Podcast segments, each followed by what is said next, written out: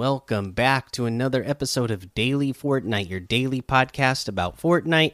I'm your host, Mikey, aka Mike Daddy, aka Magnificent Mikey.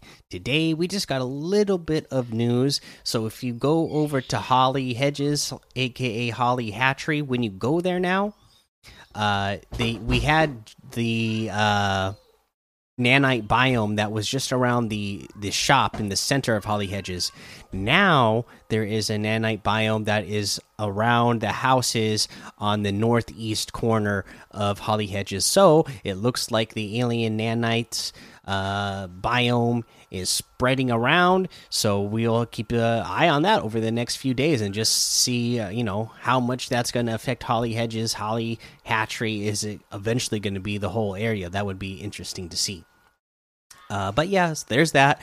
Uh, let's see here if we want to look at LTMs today. We have one shot duos, rags to riches squads, Team Rumble, City Royale, Prison Breakout, Finest Realistic 2v2, uh, Red versus Blue, OG uh, Prison, uh, and Battle Lab. Uh, let's see here. Uh, we can look at a challenge tip, of course.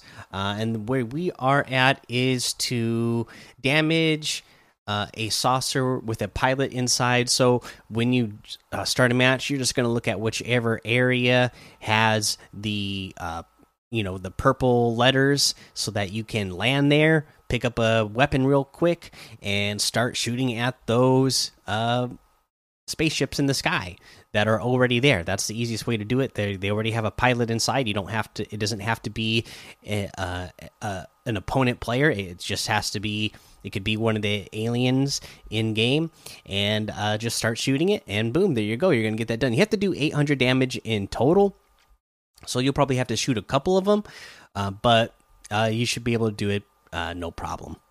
The, the, hardest part is that you'll probably end up running into other players who land in that area who are going to try to eliminate you as well. So you uh, are either going to get shot while you're trying to shoot the spaceships uh, because you're going to be focused on shooting the spaceships, so you're not going to see the enemy shooting at you, or uh, you're going to be distracted by shooting the enemies who are around you uh, that you won't get to it right away. So that's what I would do. I guess if you notice that there's a lot of people landing in the same spot as you, I would focus on clearing out the immediate area that you're in before you start focusing on the spaceships. Uh, let's head on over to the item shop and see what we have in the item shop here today. Looks like we have Magma Master Pack still here, Armored Batman Zero Bundle, Kane and Roos Bundle, and then we have the Scarlet Defender here for 800 V Bucks the monk's outfit with the peel pack backbling for 1200 the get loose emote for 200 rocket rodeo emote for 800 mime time emote for 500 t pose emote for 200 uh, we got the lucha bundle which has the dynamo outfit the pile driver harvesting tool the libre glider and the masked fury outfit. Uh, for a certain amount of V bucks off. I get 1,800 V bucks off, which is a pretty good deal.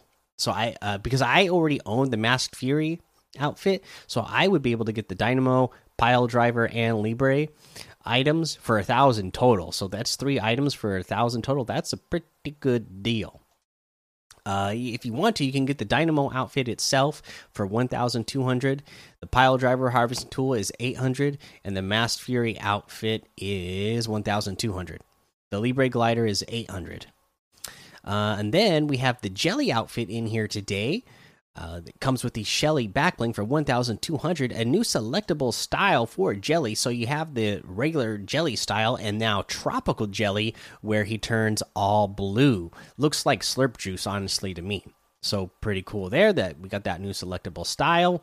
Uh, we got the Scampy harvesting tool for 800, the Dream outfit with the Shattered Wing backbling for 1,200, the Luminos outfit with the Lunar Light backbling for 1,500 the Astral Axe harvesting tool for 1200, the Shard Break wrap for 500, the Arcana glider for 1200, the Scrap Knight Jules outfit with the Ohms mantle backbling for 1200.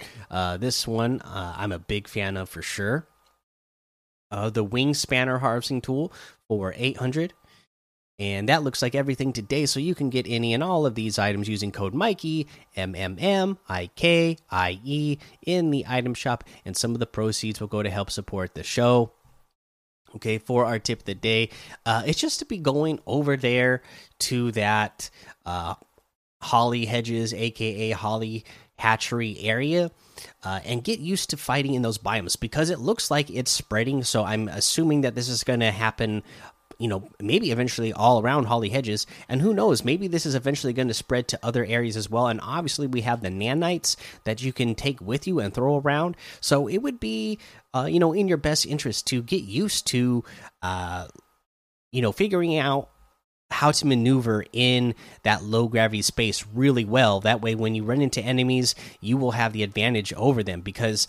Uh, you know what I have found is that when you are in one of those spaces, a lot of people just like lose control of their character. Like they they they can't figure out how to control their character. But if you go there with the idea of, hey, I'm going to go there and practice my movement while in that space, then you're going to be good at it, and that's going to give you the advantage over your opponents uh, when you run into those spaces, or when you take a nanite cube with you and uh, put it, uh, make your opponent end up in one of those spaces. All right, that's the episode for today. Make sure you go join the daily Fortnite Discord and hang out with us. Follow me over on Twitch, Twitter, and YouTube. Head over to Apple Podcasts, leave a five star rating and a written review for a shout out on the show. Make sure you subscribe so you don't miss an episode. And until next time, have fun, be safe, and don't get lost in the storm.